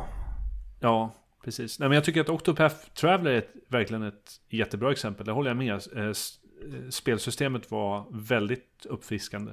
Storyn kanske lämnar en del Ja, st- att önska, men storyn var ju ganska intetsägande. Eller jag kommer åtminstone inte ihåg speciellt mycket av vad det var som hände där. Men det var Ja, kul att pyssla med karaktärerna och det var snyggt. ja, verkligen, verkligen.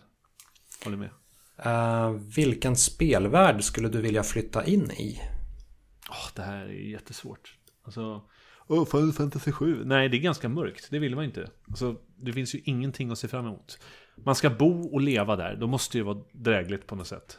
Ja, du kan bo i Ah. Cosmo Canyon kanske. Jag... ehm, då hade jag bott i eh, Final Fantasy... I Spira hade jag bott. Final Fantasy 10. Eh, Post Sin. Mhm.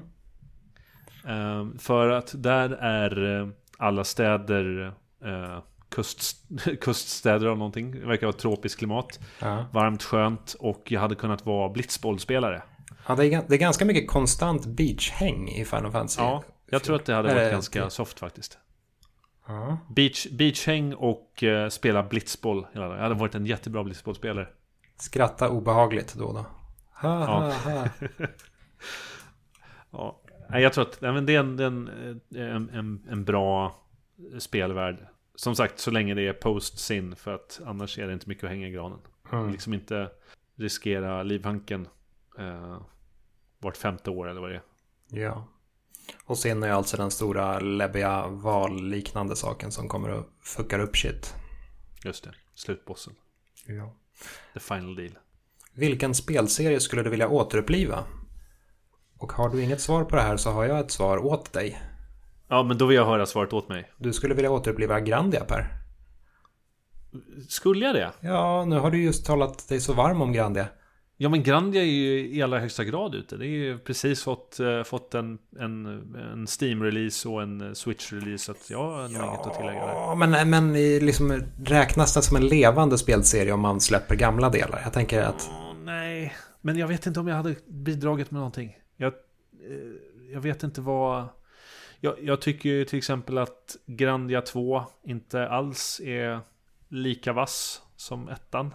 Hmm. Eh, Hmm. Jag tror till och med det finns ett... Oj, ja, okej, du har en annan åsikt alltså. Nej, jag gillar Grandia 2 skarpt. Jag, Ja men, det är, ja, men det är inget dåligt spel, absolut inte. Men, men ettan är ju eh, snäppet vassare.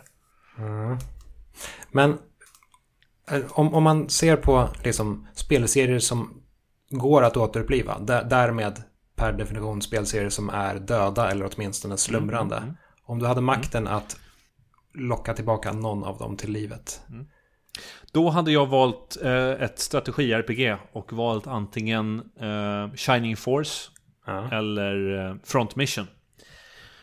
Eh, eh, jag tror att i synnerhet hade jag nog valt Shining Force för att det är den, den serien av eh, det här är ju mer psykoden känt för att liksom plocka upp ett stort utbud av olika hjältar som du kan spela med. Men, men eh, strategi-RPG, turbaserad strategi-RPG är ett, en, en genre som ligger mig väldigt, väldigt varmt om hjärtat. Eh, så Sh- Shining Force eh, som släpptes på Sega var det väl. Ja, det var Mega Drive-spel va? Ja, mest, mest, mest jag tror till och med på Mega CD.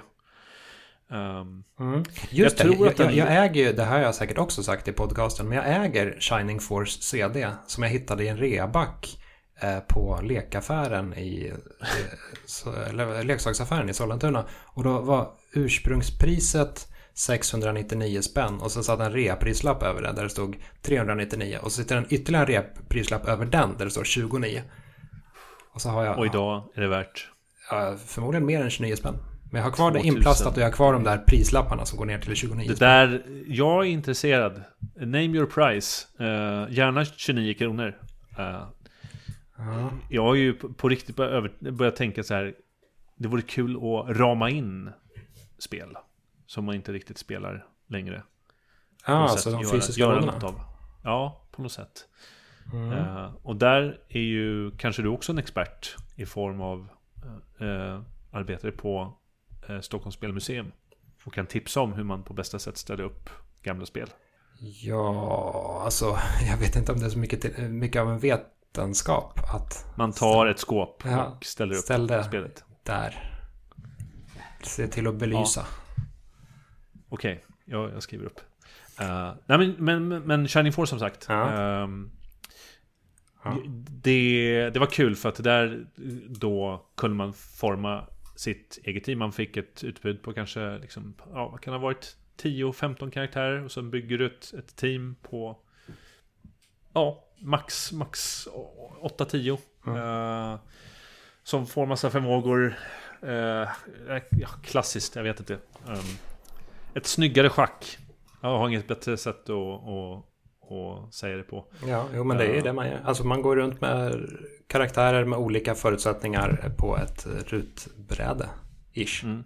Och det här finns det ju redan gott om. Jag menar Fire Emblem är ju idag kanske den mest liksom, prominenta strategi-RPG-serien. Men jag tycker det är så himla fult. Jag eh, avskyr stilistiken som eh, vi ser på många spel idag. Speciellt hur eh, eh, japansk anime, som också är liksom så... Eh, som är så tydlig i, i olika spel. Det finns ju jättemycket spel som fortfarande påverkas av, av anime. Mm. Eh, jag eh, gillar inte det tidigare vi lever i.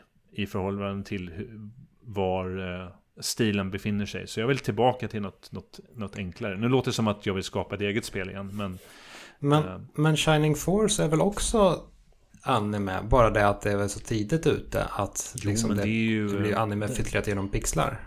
jo, jo absolut. Men, men det har ju inte... Eh, det har ju 80-talets och 90-talets anime-stil. Mm.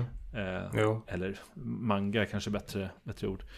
Eh, men jag menar... Nej, men sen så tycker jag att liksom, strategi-RPG handlar så mycket om också om hur effektiv, effektivt du interagerar med interfacet. Att du kan göra dina turer snabbt och effektivt. Och Mm. eh, jag tycker bara Fire Emblem, eh, i alla fall eh, Free Houses, saknar tyngd. Och jag tycker att, eh, nej, jag gillar inte stilen.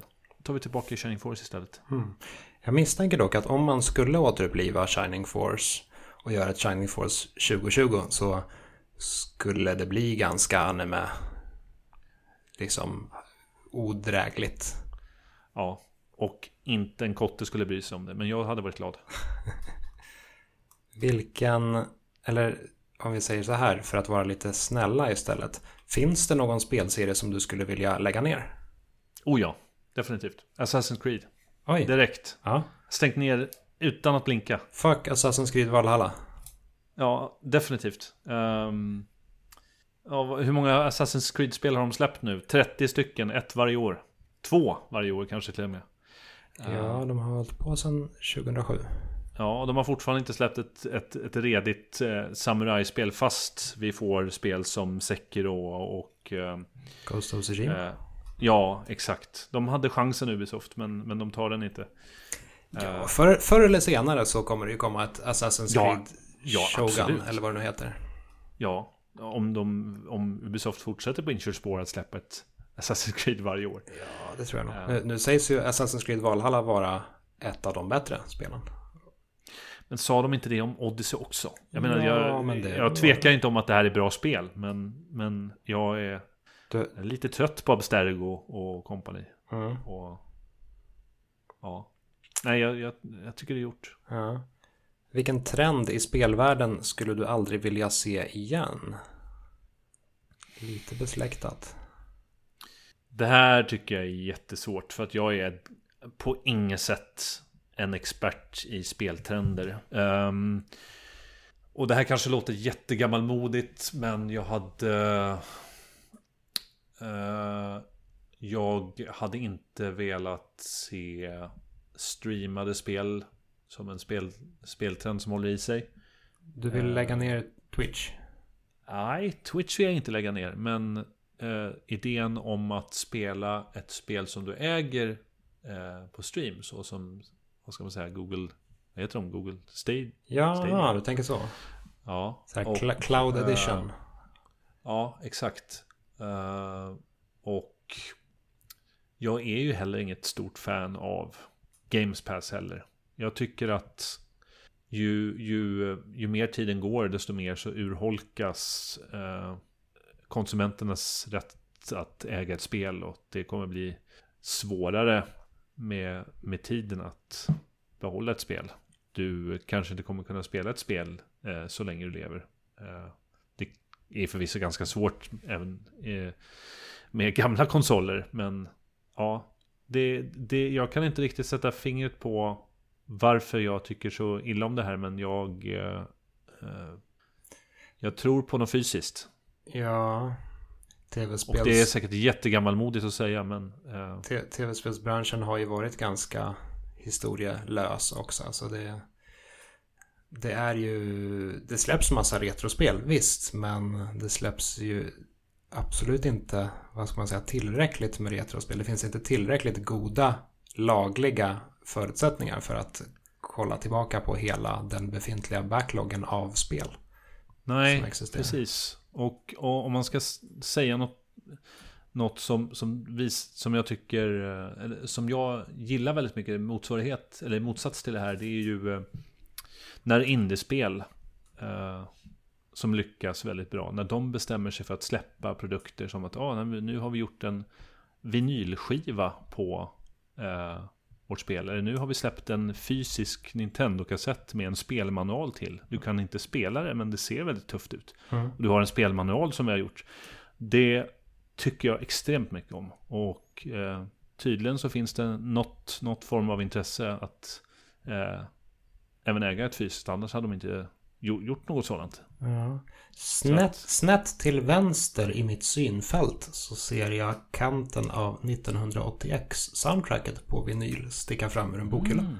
Mm. Se där till exempel. På tal om det. Stort. Jo, jo visst. Jag har ingen Tog du själv initiativ till Ja. Eh, vilken... Nej, det har vi gjort. Eh, och om du fick ändra en enda sak i ett av dina favoritspel, vad skulle du ändra på? slutet på Mass Effect 3? Och det är igen, eh, till, till alla som lyssnar, jag är jätteledsen att det låter så himla mainstream och säga, eller så, så populistiskt att säga, men jag, eh, jag vill inte säga att jag tog det personligt, men jag tog det hårt. Jag satt någon dag efter Mass Effect och bara, men tänk, tänk om Bioware verkligen jobbar på det här med indoctrination fear. Tänk om de verkligen vill lura oss. De, de vore ju, det vore genialiskt. Vilken spelstudio. Och sen får jag veta, nej, det är inte fallet. Du har gett upp hoppet. Ja, precis. Ja, så här, vad är det? Tio år senare. Eh, nej, ja, ja, jag hade, jag hade eh, ändrat det. Jag tycker att ehm, jag hade tagit bort, jag hade, jag hade kanske skapat ett slut och gjort... eh, jag, jag, jag, jag kan ge ett exempel på vad jag tycker är väldigt kul. I eh, eh, Playstation RPG Star Ocean 2. Eh, beroende på... Ja, jättebra spel. Beroende på hur du har spelat med dina karaktärer och vilka som har spenderat mest tid med varandra i olika strider och så vidare. Så får du väldigt olika slut med karaktärerna. Till exempel om du har hängt extra mycket, eh, om Cloud och Reina har hängt ihop mycket, ja då eh, bildar de familj i slutet. Eh, om Cloud har hängt med Bowman istället, ja då, då är han på någon planet och polar med honom och letar eh, efter eh, al alkemirecept. Och Mm. det där känns som en grej som jag tycker eh, Mass Effect hade kunnat göra någonting och gjort det väldigt karaktärsorienterat för att man la så... Jag, jag tycker att det är en illusion av att så här, prata om spelarens val som det viktigaste. Jag tycker att Mass Effects storhet var eh, relationerna man skapade med alla karaktärer. Så det hade varit en grej att göra något med dem istället. Mm. Inte nödvändigtvis prata om så här, åh nu fick dina handlingar så stora konsekvenser. Du var vill jag minnas, ganska tidigt ute med att flagga för att Assassin, eller inte Assassin's Creed, Mass Effect Andromeda skulle bli en besvikelse. Jag kommer, inte, Redan då alltså? jag kommer inte ihåg vilket avsnitt det var, men det var ju säkert ett par år innan spelets release. Eh, och jag vet inte hur mycket du bara höftade och hur mycket du hade läst på, men jag har för mig att du sa någonting om att eh, brandfackla, Andromeda kommer bli en besvikelse. Jag tror att eh, jag förmodligen höftade ganska hårt. Jag skjuter väldigt mycket från höften. Jag är i alla fall ärlig med det. Ehm, men det, var väl, det var väl ett, ett intryck som jag fick. En, en känning av vad man såg. Om du får skjuta från höften kanske ännu vildare den här gången då i och med att vi knappt har vet någonting om nästa Mass Effect. Mer än att det är på gång nu. Vad mm. tror du om nästa Mass Effect? Blir det bra? Blir det dåligt? Jag tror att um, Jag tror att, Mass, äh, att Bioware har lärt sig väldigt mycket från Andromeda. Uh, nu vet inte jag vad de har för uh, rutiner på Electronic Arts. Om de fortfarande jobbar med att allting ska göras i, i Frostbite. Ehm, men, men jag tror att backlashen för Andromeda var så pass hård att de inte de, de kommer verkligen ta Ta till sig om Ta till sig av feedbacken mm. För att skapa något bättre eh, Men, men frågan är det, det som gör mig osäker Jag tror att rent eh, eh, Grafiskt så kommer nog eh, Och visuellt kommer Nästa Mass Effect vara Ett väldigt bra sådant jag tror att de kommer spela med mycket mer säkra kort. Det vill säga att de kanske gör någonting som, som faktiskt relaterar till den befintliga vad ska man säga, tidslinjen som vi såg i, i trilogin. Mm. Men det är svårt att veta och säga om de kan göra det bättre. För att Bioware jobbade ganska hårt med, med med eh, kundinformation inför Andromeda. Där de skickade ut enkäter och ställde sig frågan så här, Vad tycker du som spelare är viktigast? Hur rankar du eh, dina intressen i Mass Effect? Där vill säga Det visade sig att Exploration hamnade väldigt, väldigt högt. Eh, vilket blev stor fokus i Andromeda. Så att jag tycker det är svårt att säga. Det kändes som att de hade väldigt bra med information i Andromeda. Sen var det mycket som gick fel och frågan är så här, Är Bioware samma företag idag nu? Till exempel, vi bara se på hur det gick med um, Anthem. Mm. Blev inte Så jag tycker det är jättesvårt. Ja, nej, verkligen inte. Uh, sen verkar det som att de är då uh, committade till att förbättra Anthem. Det borde vi höra någonting om snart, tycker man. Tycker man. Mm. Men du, uh, du, du är ändå hoppfull inför nästa Mass Effect. Bättre än Andromeda. Jag vill vara hoppfull, ja det, det, måste bli bättre än Andromeda. Jag tror inte, jag tror inte Bioware... Uh, ja, vad, vad, säger man? Deras, deras brand equity. Uh, deras namn kommer inte betyda så mycket om det, går, om det inte går så bra för nästa Mass Effect. Mm. Slutligen. Vilket spel skulle du ta med dig till en öde ö? Och du får svara Mass Effect Andromeda. Jag vet inte varför du skulle göra det dock. um, har jag, en, har jag en tv med mig? Har jag energi? Uh... Du har tv och energi. Du har ingen uppkoppling däremot. Åh. Oh. Ja, det vore jättetråkigt om jag inte fick eh, namedroppa mitt favoritspel. Eh, så då skulle jag ta med mig Vandal Hearts. Mm. Också ett strategi-RPG. Kanske det bästa eh, någonsin. Bättre än Final Fantasy Tactics, bättre än Disgaea. Eh, Eh, ett spel som jag har eh, varvat väldigt, väldigt många gånger. Av någon outgrundlig anledning. Men du har, inte... du har hittills aldrig tröttnat på det? Nej, aldrig någonsin. Jättevackert, jättebra. Nailar du eh, spelutvecklaren? Vandal Hearts? Ja. Uh, nej, jag har faktiskt aldrig kört det. Okej, okay, ja, det är svårt att be dig dra en vild gissning. Uh, Enix? Nej, nej tyvärr. Vilka är det? Konami. Konami var det. Så att eh, en re-release är ju högst, eh, högst otrovärdigt. Ja, Konami kan man kanske inte riktigt lita på på något sätt. Även om det går vissa rykten om att de eventuellt håller på att titta på att göra ett nytt Silent Hill nu. Någon form av reboot-aktig ja. historia. Ah, det vore läckert. Mm. Frågan om det går dock. Ja, jo, det tror jag väl. Utan prominenta, utan rätt folk. Om jag tolkade ryktet rätt så var väl åtminstone någon från originalteamet inblandad. Men som sagt, det här är ju obekräftat. Akira Yamaoka. Nej, jag tror att det var någon annan, typ producenten eller regissören eller något sånt där. Mm. Eh, mm. Men sen är det säkert Yamaoka lätt att få med på tåget om det väl ska tonsättas skräck. Han verkar ju pigg ja. på sånt. Han... Tackar aldrig nej till en skräckis. Nej, han har gjort soundtracket till det här The Medium som kommer nästa år till exempel. Mm. Split screen skräckisen till Xbox Series X. Oh, spännande.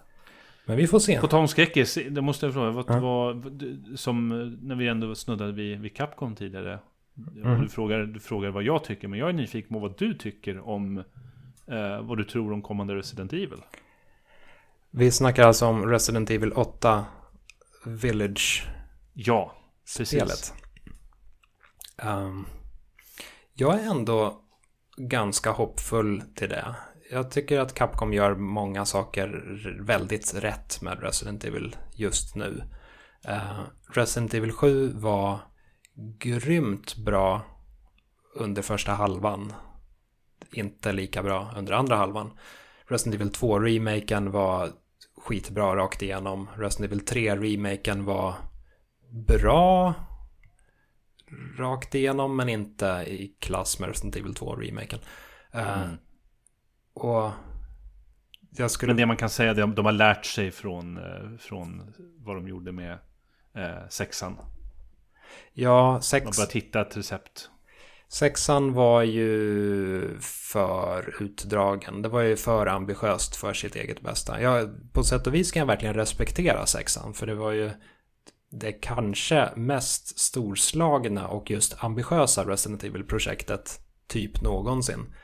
Eh, men med det sagt så blev det inte jättelyckat alla gånger. Mm. Eh, Chris kampanj till exempel var ju inte bra överhuvudtaget. Eh, nej men Resident Evil 8 det... Jag har faktiskt inte läst så jättemycket om det. Jag, alltså jag, jag vet att jag kommer spela det igenom det i vilket fall som helst så jag har hållit mig lite halvt undan. Men, men jag skulle väl tippa på att de bygger vidare på Resident Evil 7. Eh, för att särskilja det från den här lilla, vad ska man säga, subgenren, avknoppningen som är ja. de moderna Resident Evil remakesen, tvåan och trean. Och den i princip bekräftade, eller om den till och med är bekräftad, Resident Evil 4-remaken.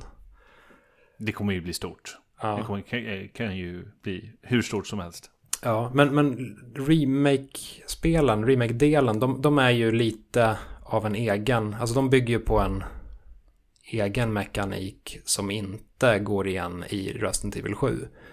Eh, och Resident Evil 8 då tror jag väl snarare blir mer åt sjuans håll. Eh, det blir nog bra. Jag hoppas, jag hoppas verkligen att man vågar göra vågar vara lite mer egensinniga. För Resident Evil 7 var som sagt jättebra i början men sen fegade de ut på slutet och så blev det klassiskt Resident Evil Bly av det. Ja, ja, precis. Jag, eh, jag hoppas och tror på Resident Evil 8. Jag eh, tror, jag har all, all anledning att tro att Resident Evil 4-remaken blir bra.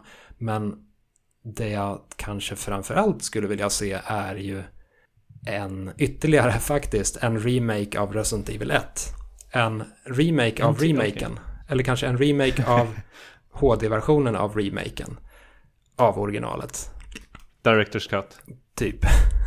Nej men helt enkelt göra en remake av Resident Evil 1 fast göra den i stil med den moderna Resident Evil 2-remaken.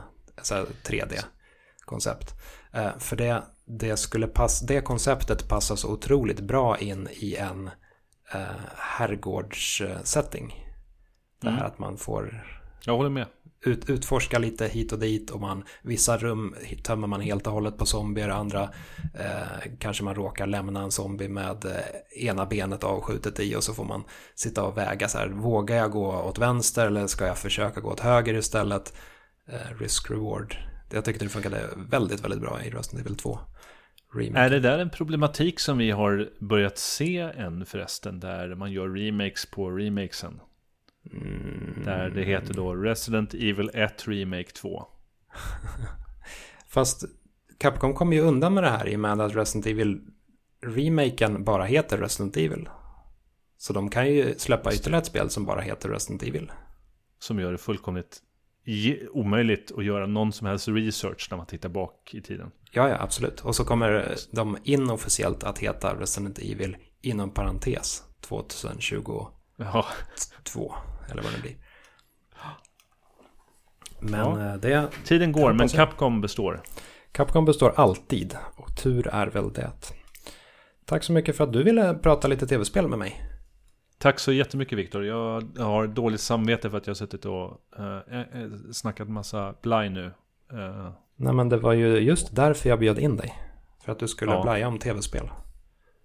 och för det är jag väldigt tacksam. Ja. Eh, Den här podcasten finns på Instagram där den heter tredje gången podd. Eh, Jag finns på Twitter där jag heter Viktor Underscore Sjoström. Vilket är Sjöström utan prickar. Finns du på internet? Klassiskt. Det finns jag. Jag eh, finns eh, framförallt på Twitter där jag eh, retweetar lite då och då och skriver kanske någon höhö-kommentar eh, titt som tätt. Eh, det är eh, Per Landin i ett och samma ord. Och eh, du har ju gjort en raketkarriär på Twitter. Jag vill minnas en tid när du var djupt olycklig över att du hade så få followers. Nu har du alla nu followers jag på massa, Twitter. ja, nu har jag massa Minecraft-bottar. Det är jättekul. Ja, men du ser. Jag har, jag har en bit kvar till mina kollegor på du vet eh, 40 000 och en miljon. Men jag är nöjd över mina tusen, tusen followers. All right. Tack så mycket. Tack Viktor.